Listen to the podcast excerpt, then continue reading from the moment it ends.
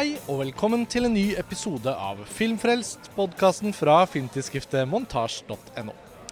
Mitt navn er Karsten Meinick, og filmfestivalen i Venezia den beveger seg nå mot slutten. Men vi er her fortsatt på Lido og har nå satt oss ned i hagen ved siden av festivalpalasset. Rett etter visningen av Andrew Dominics nye film 'Blonde'. Som er en film om Norma Jean Baker, også kjent som Marilyn Monroe. Og det var vel en av filmene vi hadde kanskje høyest forventninger til før festivalen. Litt sånn uh, med Darren Aronofskys The Whale på en god annenplass. Og um, med meg rundt bordet her så har jeg Pernille Middleton. Hallo. Hei, Pernille. Og Lars Ole Kristiansen. Hei sann. Hei, Lars Ole. Vi ble enige om å ta opp denne podkasten direkte etter visningen og pressekonferansen. Og bare kort så kan vi jo si at Andrew Dominic eh, er regissøren av filmer som The Assassination of Jesse James og Killing Them Softly. Har også jobbet masse med Nick Cave og Warren Ellis, som da også er komponistene hans i filmen. Og Blonde trenger jo på en måte ikke noen nærmere introduksjon, fordi den handler om Marilyn Monroe, som er jo et verdensikon, og de fleste kan si at de vet hvem hun er, uten å vite helt hvem hun er. Mange har kanskje ikke egentlig sett så mange av filmene hennes, men kan likevel henvise til hvordan hun så ut, hvilken type popkulturell eh, figur hun var.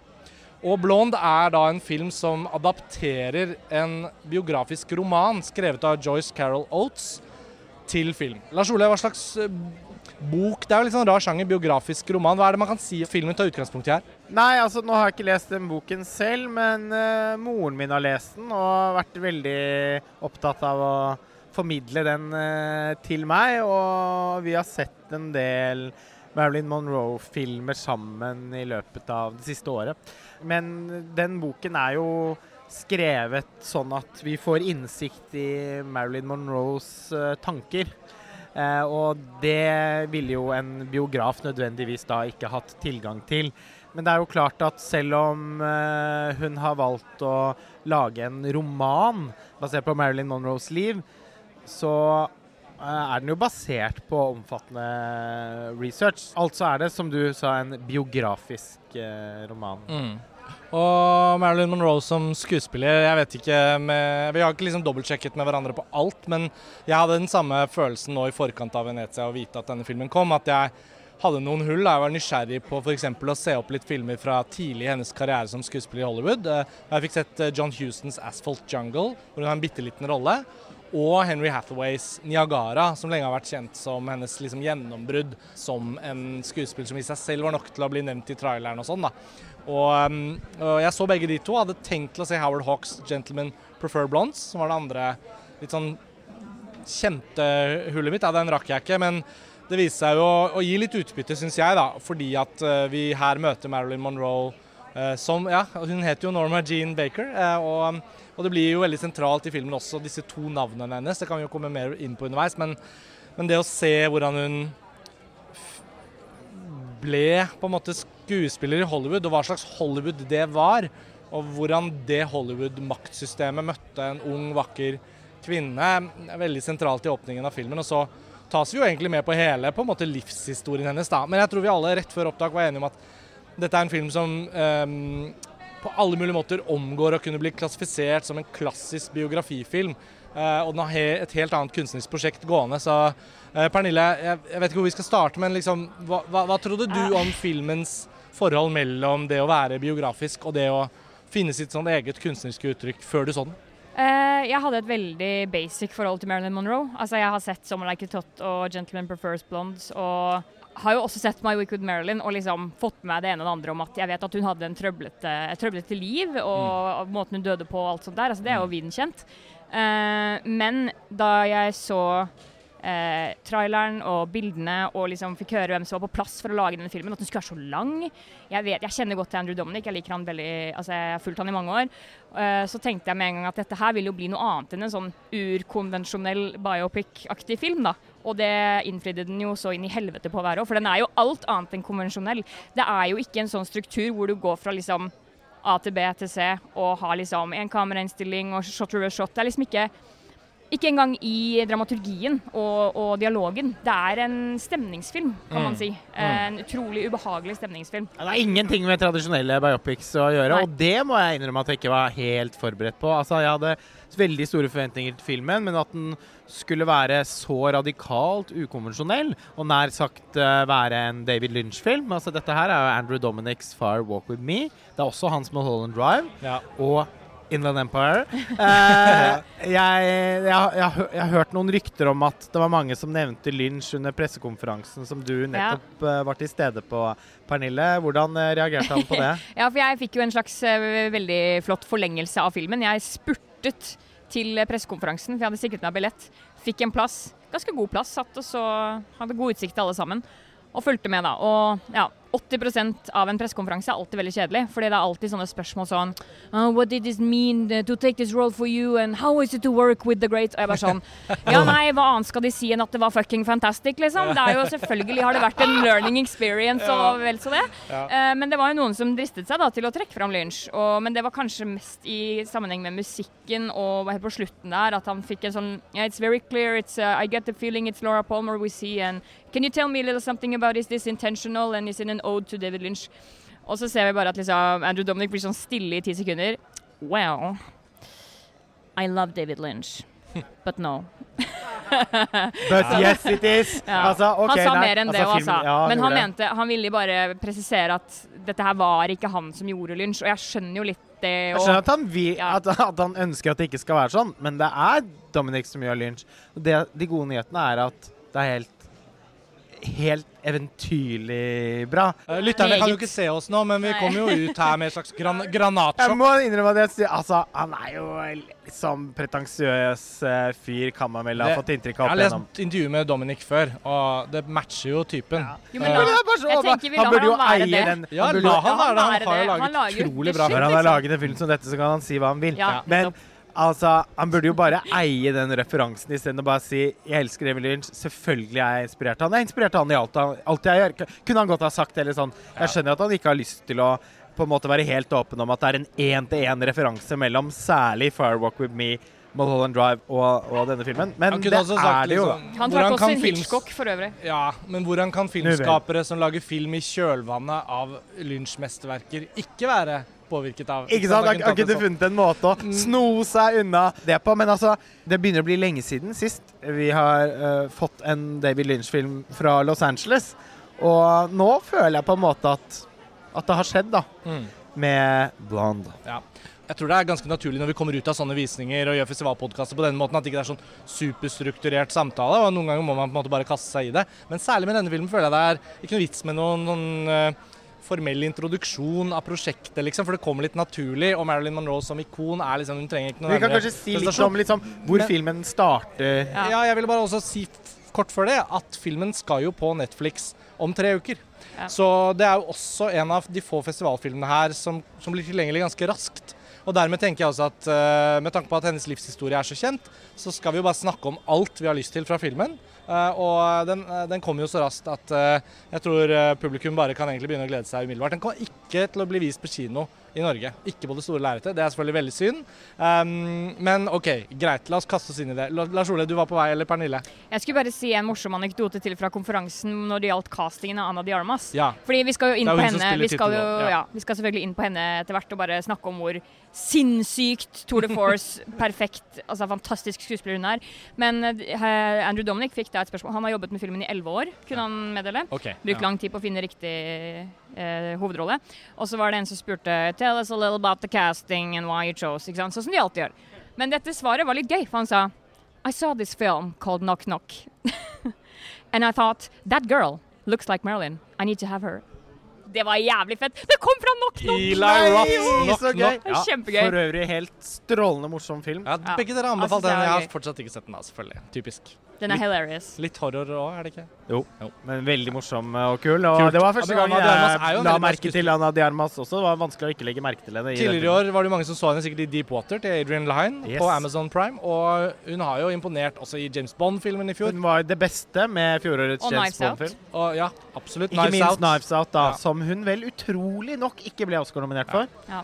Jeg hadde et gjensyn med filmen eh, nå i julen, Og tenkte at det Altså, hun ble frarøvet sin første nominasjon, men nå skjer det Ja. selv, selvsagt. Altså, For nå, hun- nå blir det jo en catfight mellom Kate Blanchett og Anna Diarmas. Som Lydia Tarr. Mm. Og, to kunstnerportrett. ja, og tre, altså hvis vi, vi må nok en gang inn på Austin Butler som Elvis Presley. Da. Jeg føler at det som skjer nå, er på vei til å skje nå, er at dette året har gitt oss noen av de mest komplekse, sammensatte kunstnerportrettene på lang tid. Da. Og de snakker litt med hverandre. Ikke minst tenker jeg jo at Elvis Presley og Marilyn Monroe, representert av Austin Butler og Anna de Armas på Oscar-utdelingen i 2023, vil jo bli en litt sånn uunngåelig tematikk. da. Men også da hvordan underholdningsbransjen spiser sine beste barn. Og det er jo forferdelige tragedier, i hvert fall her. Eh, Det er jo litt det Elvis òg, men Ganske mye Elvis over det. Ja, det vil jeg si. ja, eh, ja. Det er jo den mannlige ekvivalenten til denne historien. for, for det, Virkelig. de, de matcher jo egentlig en del, da. Så jeg syns det er jo et, et sted å, å begynne, da. At eh, denne filmen er jo nesten som en horrorfilm å regne. Em, For vi kan jo snakke om det som en biografifilm, eller en biografisk fortelling osv. Men det er noe annet med hva resultatet er når man ser den. Fordi jeg opplever at veldig mange av de kunstneriske valgene og fokuset på en veldig sånn klar sånn indre-ytre perspektivføring. da. At vi hele tiden får være med Norma Jean og Marilyn Monroe. da. Og hun omtaler jo seg selv som en splittet person. At hun må inn og ut av rollefiguren Marilyn Monroe. Og det synes jeg var så gripende. For å orke å holde ut. Ja, Ja. og det Det var så så jævlig jævlig Og mørkt. det var, så, det var uttrykt med litt sånn horrorlignende virkemidler. Det likte jeg veldig godt. Ja. Ja, og vi er på en måte egentlig i hennes eh, tanker. Eh, får tilgang til hennes eh, følelser, hennes opplevelse av de situasjonene hun er i. Men eh, hun er også framstilt på en måte sånn som hun ble sett av publikum. Eh, av journalister eh, og fotografer. Og de to delene vokser på en måte mer og mer sammen. Og det er også sånn hun blir ødelagt, da, fordi hun begynner å se seg selv som et objekt. Og det er jo noe filmen problematiserer på en veldig original måte. Mm. Fordi dette her er ikke noen budskapsfilm. Det er den altfor kunstnerisk eh, eh, liksom sofistikert og egenartet til å kunne bli omtalt som. Men likevel så kan jeg vel ikke huske å ha sett en film om den eh, utrolig liksom mørke kjelleretasjen i Hollywood som er så rystende og føles dessverre da, så autentisk som uh, denne. Uh, David Lynch er naturligvis uh, inne på noe i, i Mulholland Drive, men den filmen er jo da tross alt også veldig en fantasi. Og fiktiv. Ja, Ja. mens dette her er jo da et mareritt som, som, som er ekte, og som også klarer å bruke Los Angeles på en veldig god måte, syns jeg. Det er jo drømmenes, men også marerittenes by. Det er på en måte en by som er bygget på også knuste drømmer og lik eh, som, som følge av selvmord. Ja. Altså, eh, det, det er noe så ufattelig mørkt ved den byen og ved Hollywood som denne filmen klarer å fange inn med poesi. Altså, Mm. den, den har ikke en, en, en didaktisk eh, tone eller et eh, eh, eksposisjonstynget manus. Den stoler så fullt og helt på sin egen audiovisuelle kraft og Anna Diarmas rolleprestasjon, og bare liksom kaster seg ut det. det er, Andrew Dominic har liksom bare valgt å gå for broke, og det kommer til å være veldig store uenigheter om denne filmen. Det er jeg helt overbevist om. Ikke så store uenigheter mellom oss, men det Nei. er jo lytterne vant til. Nei, men altså, det, jeg tror også når man får se filmen og er noenlunde kjent med smaken til alle som sitter rundt dette bordet, at det vil være helt åpenbart at denne går rett hjem. Men eh, jeg, det var buing i salen i dag. Jeg ropte jeg jublet så høyt jeg bare kunne. Det var en veldig kraftfull jubel fra meg. De som buet, er de som elsket The sånn i går, da. Ikke sant? Ja. Eh, så det er det jeg tenker. Vil jeg tro, da. Jeg, jeg vil med umiddelbart største makkverk. eh, Ja, Men den får vi komme tilbake til. Ja. Um, Pernille, Ja.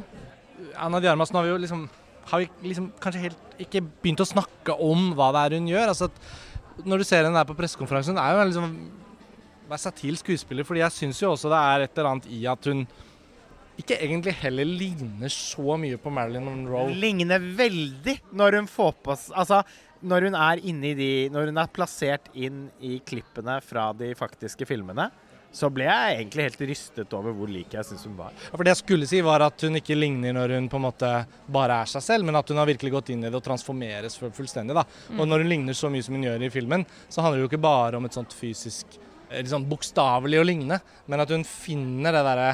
Spesifikke som er så gjenkjennelig fra filmene. da. Og Mm. når, de, når hun er sydd inn i filmene, det er jo ingenting av den ekte Marilyn Monroe i filmen.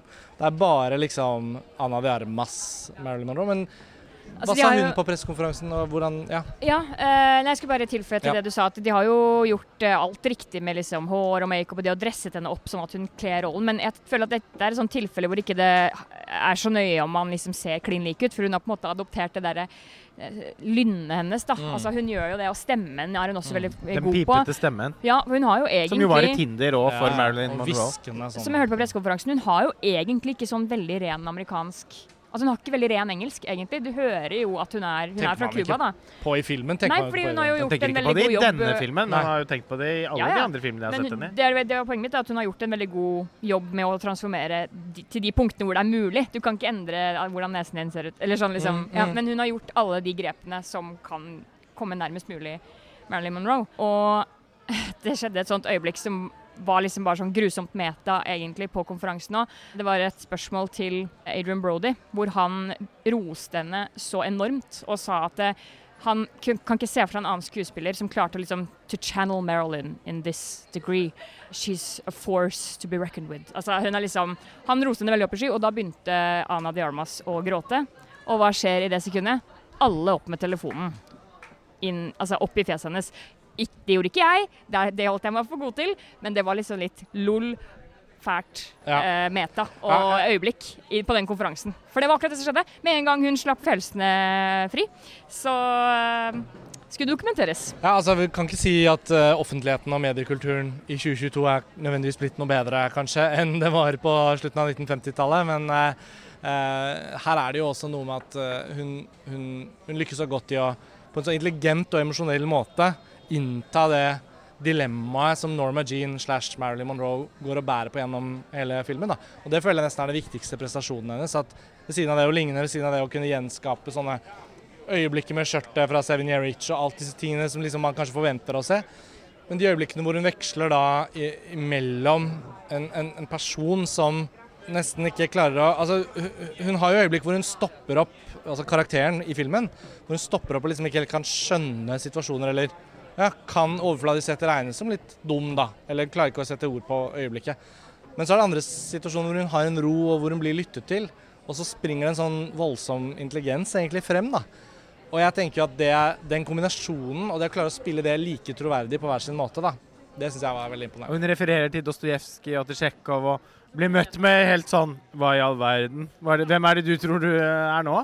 En annen ting som er så jævlig bra med castingen av akkurat Ana de Armas, er at hun er jo Du ser at hun fysisk i hvert fall er et skikkelig følelsesmenneske. Altså, ikke noe tørrgråting her i gården. Nei. Der eh, ble hun dehydrert i opptil flere av scenene. Eh, helt mye- fantastisk. det er altså, det er jo ikke noe å utsette på henne i det hele tatt. Eh, Det er jo en sånn Så utrolig bra. Cheryl Lee i Twin Peaks Far Walk With Me-aktig performance, da. Også fordi det er eh, det, det er ikke en dialogtung Der er Gaspar Noé. Nei, det er ikke Gaspar. Jo, han står der i køen. Se. Shit. Ja. Nå ser vi Gaspar Noé stå i kø for å kjøpe seg en uh... Du skulle si noe om Sheryl Lee i Fire Walk With Me, og så plutselig så kommer Gaspar Noé. Eh, hvor eh, var jeg igjen?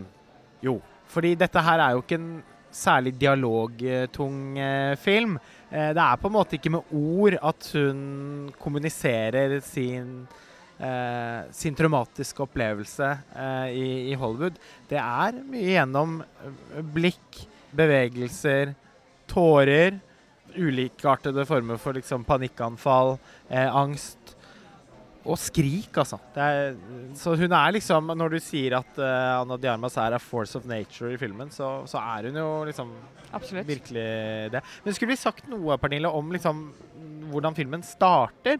Fordi Ja. når eh, Sånn som du presenterte den i stad, Karsten, så kunne det jo høres litt ut som den er sånn fra, kry fra krybbe til grav. Og det er, stemmer jo ikke. Både er det og ikke det, Det- på men Men den tar bort da. veldig mange år, da. Ja, ja, ja. Altså Den hopper fra barndom til karrierestart. ja. Men akkurat det, Det er ikke ungdom. Nei. anslaget, eller det Det første er ikke en coming of age-film. Den første delen, anslaget, er vel sånn roughly 15 minutter hvor vi ser henne som Hvor gammel er hun? Syv? Åtte år gammel, kanskje? Eh, bor hjemme hos moren sin. Faren er hvem vet hvor. Altså, eller, han, eh, moren sier at han skal komme etter hvert, men eh, ja, vi skjønner jo at det skjer ikke. Og det er også hennes store sorg, denne evige jakten etter faren, som hun aldri har fått vite hvem er, da.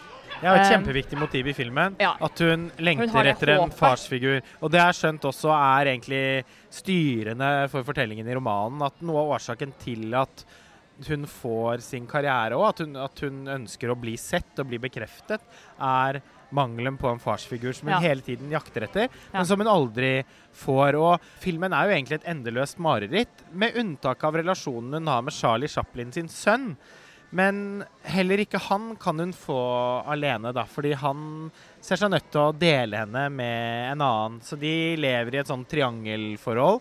Det fins noen scener mellom de tre i filmen, inkludert noen sexscener, som er helt utrolige. Eh, Og visuelt Måten de er utformet på visuelt, er bare nesten ikke til å tro. Eh, Og de er bare- ikke vulgære. Sånn Nei. som eh, mange kommer til å liksom tro Sikkert. og de, de håpe skildrer en lykkelig også. periode i hennes liv. Det er ikke mye av det i filmen. Nei. Bare sånn tilbake til anslaget. fordi Hun bor jo med moren sin, og det er verdt å nevne at moren hennes er eh, psykisk syk. Som et, etter hvert utagerer til å bli ekstremt voldelig. Det er en helt grusom scene hvor hun forsøker å drukne Norma Jean.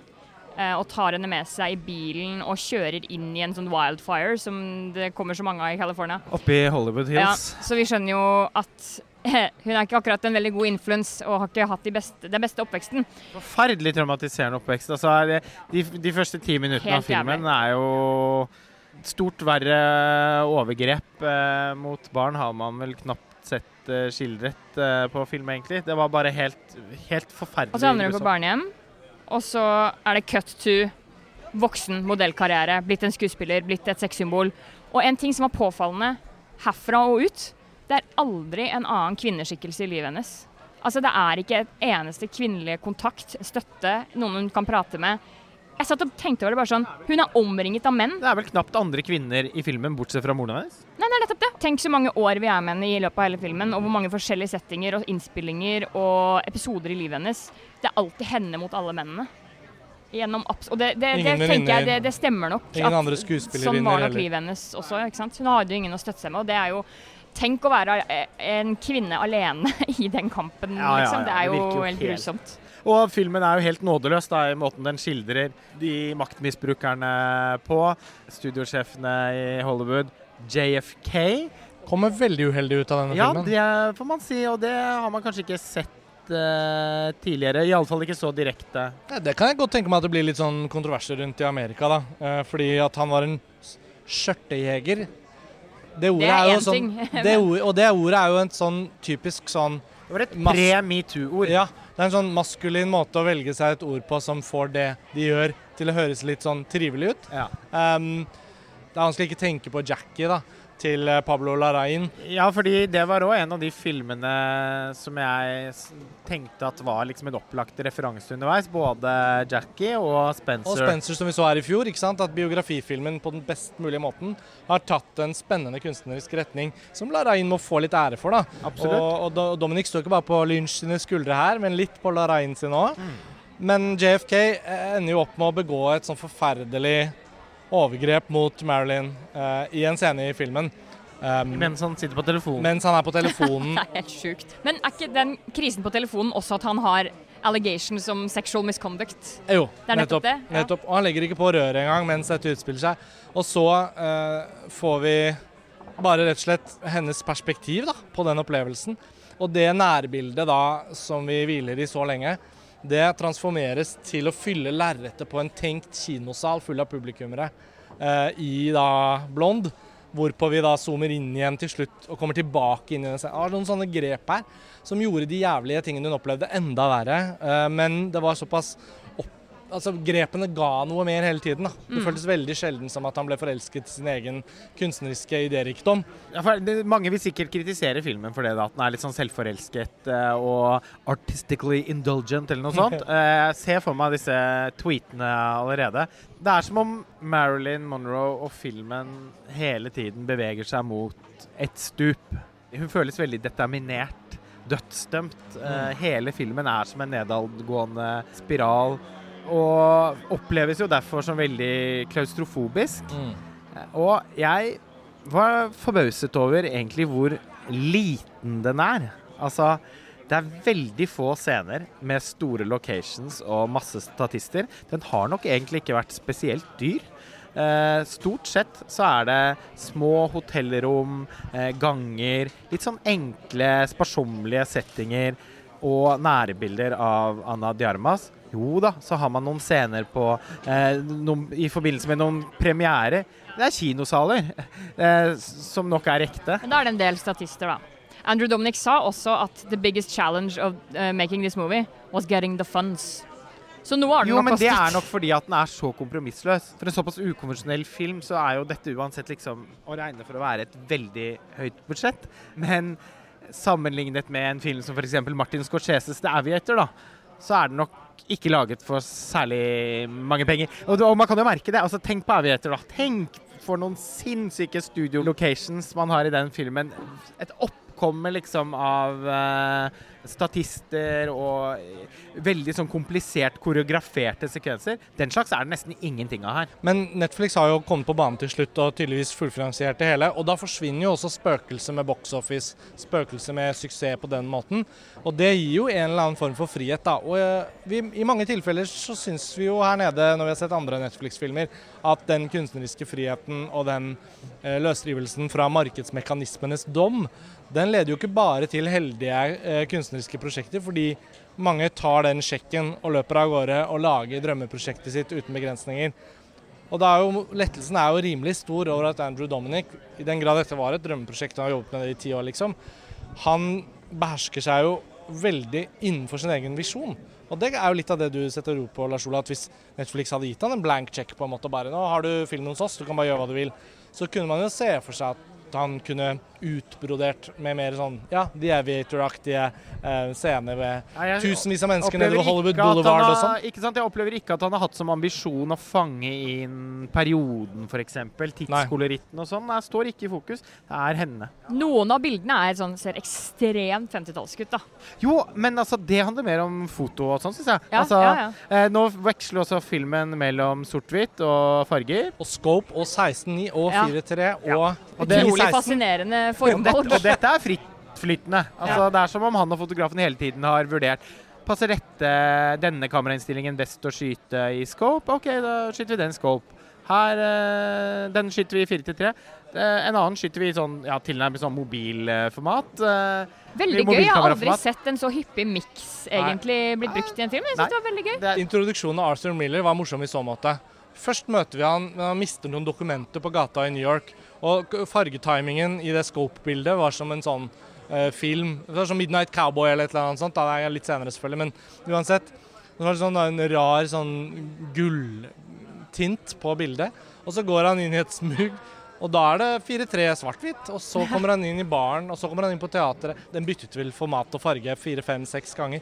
Som jeg syns også var en veldig bra sekvens. Jeg synes, Av alle birollefigurene her, så må jeg jo si at jeg syns Adrian Brody gjør litt sånn comeback som den egentlig glimrende skuespilleren han var. da. Mm. Fra Son of Sam til Spike Lee til selvfølgelig pianisten eh, til Polanski og Ja, sånn. han er dritbra. Så har han jo hatt 10-15 år i In the Dark, bortsett fra hos Wes Anderson, selvfølgelig. da. ja, jo, men det jeg skulle til å påpeke, er jo på en måte at de rollene han har hatt for Woody Allen og for, eh, for eh, Wes Anderson og sånn, er jo litt sånn tulleroller, da. Ja da, Han har ikke hatt den beste agenten, føler jeg.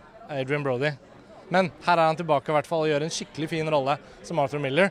Um, Bobby Cannavale, han spiller uh, Joe DiMaggio.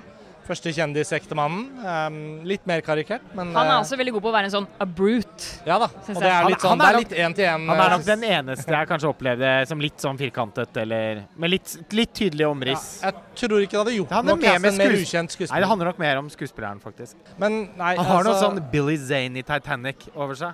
Billy Zane er dritbra. Kom an. Ja, jeg er nok Camp Lars Ole på at Nei, det ikke var ment som et kompliment. Nei, det var ikke tenkt Da, som får, jeg- da starter jeg. Billy Sane-fanklubb, og så Ja, kan folk men- uh, melde inn til meg og bli med. Det er Ja. ikke Nå blir det gjensyn med Fantomet.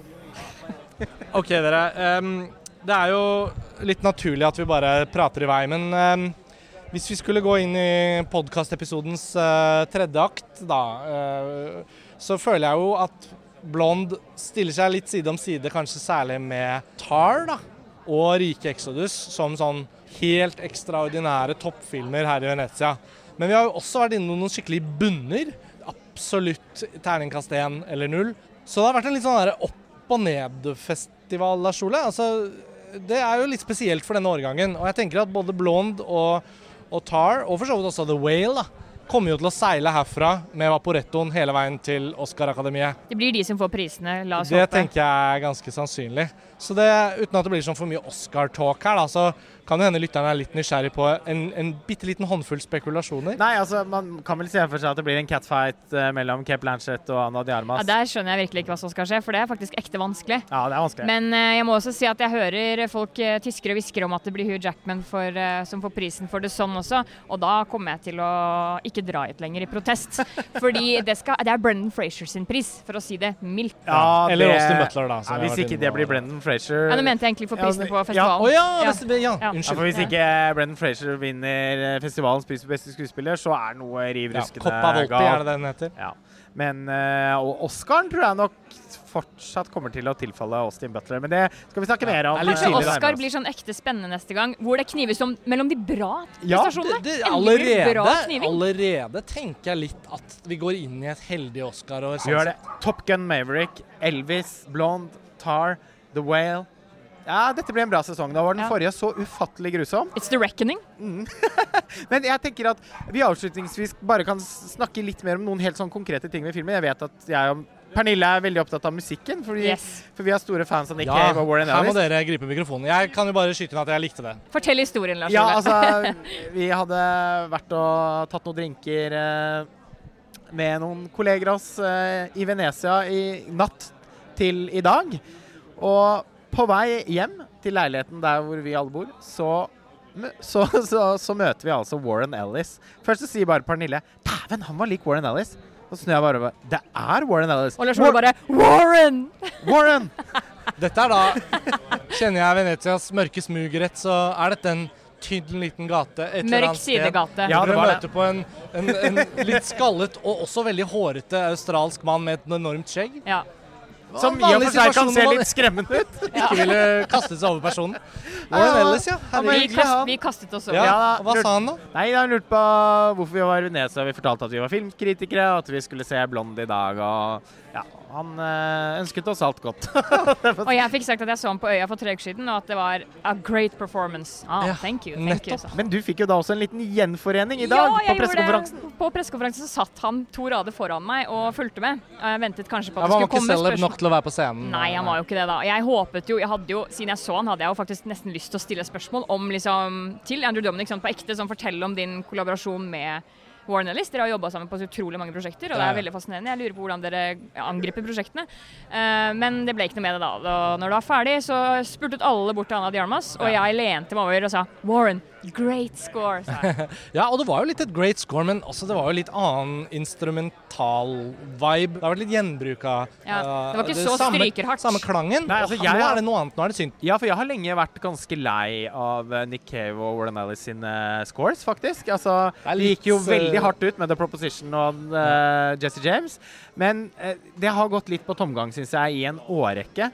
Men nå var de tilbake som syntkomponister, da. Fordi ja. på de siste albumene så har de jo eh, begynt å eksperimentere mer med Eller de har vel i og for seg alltid eksperimentert masse, men de har, det har foregått en slags endring da, i, i, i lydbildet. Blandet og- inn masse fra Ghosteen, som er et helt fantastisk album. ja. det Jeg syns jo Ghosteen er det beste Bad Seeds-albumet på, på mange, mange år. Og der er det jo faktisk veldig mye synt. Og et spor som heter Hollywood.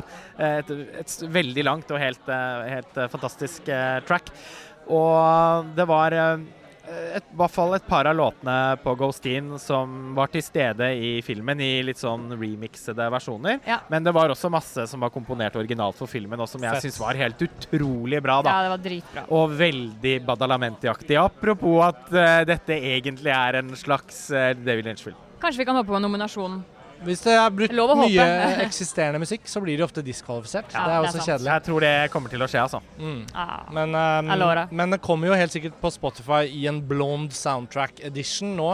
Uh, for som vi sa i stad, denne filmen kommer jo nå om noen, bare noen uker.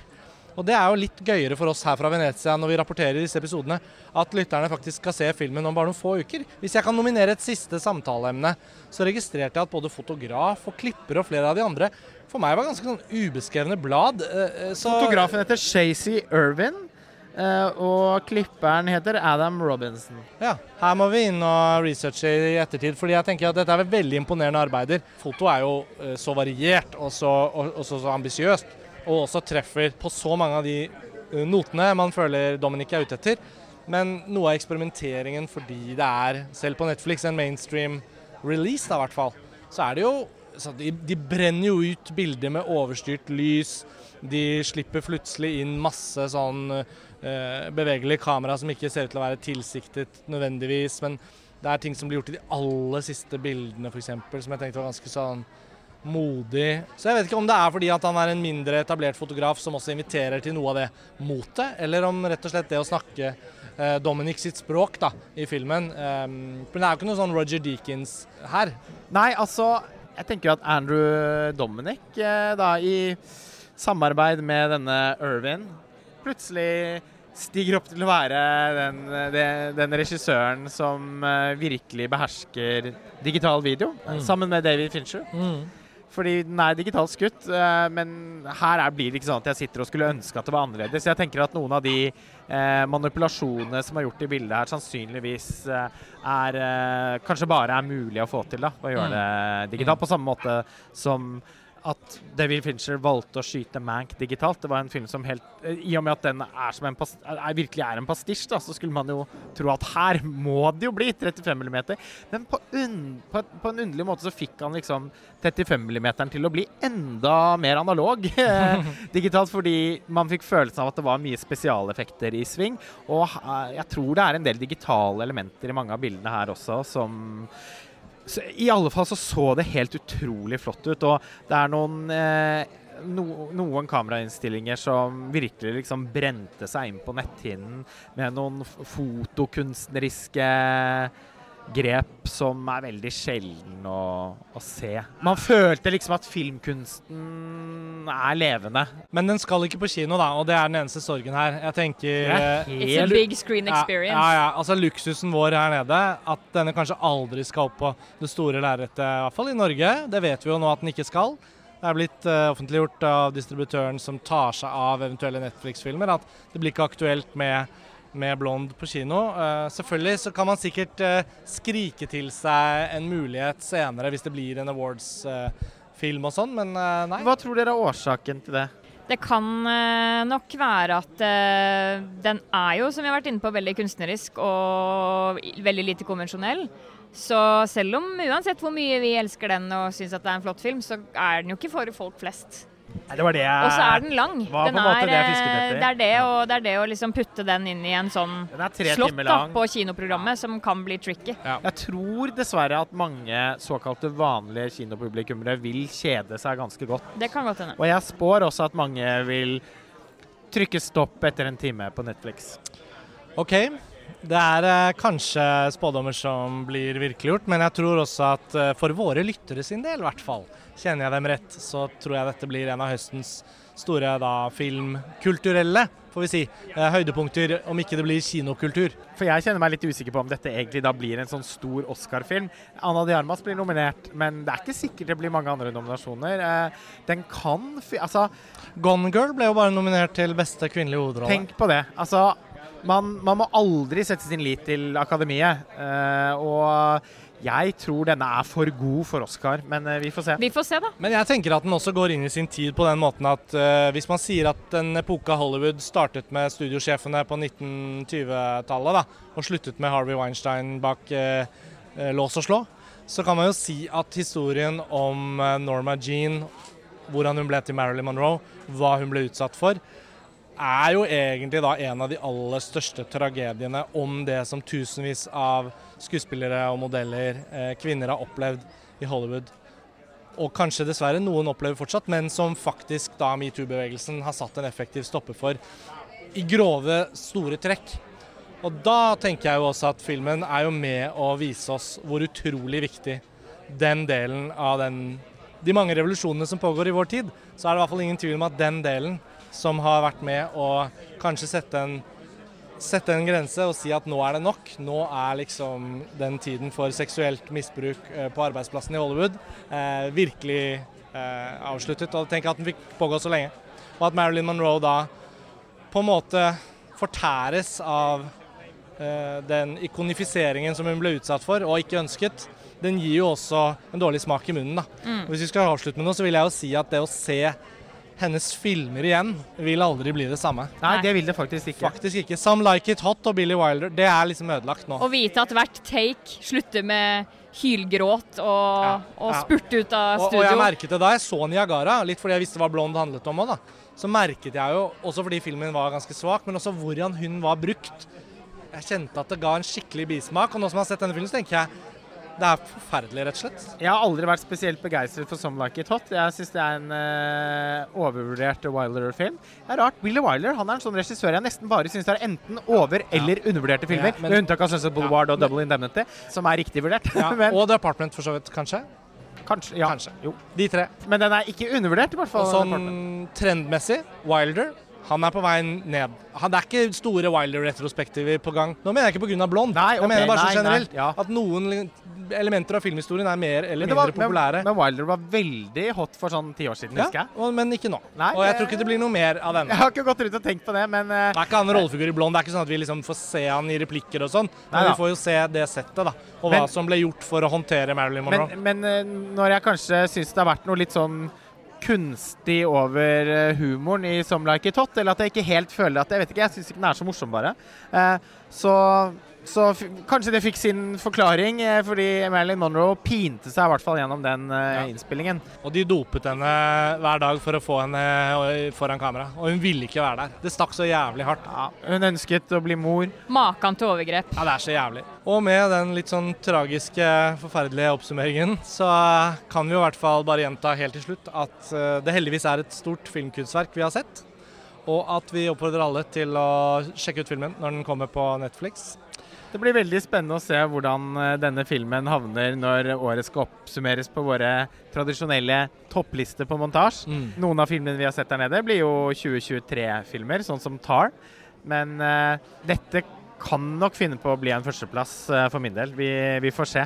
Og med det så tenker jeg bare at uh, ja, takk for denne gang, Lars Ole og Pernille. Arrivederci.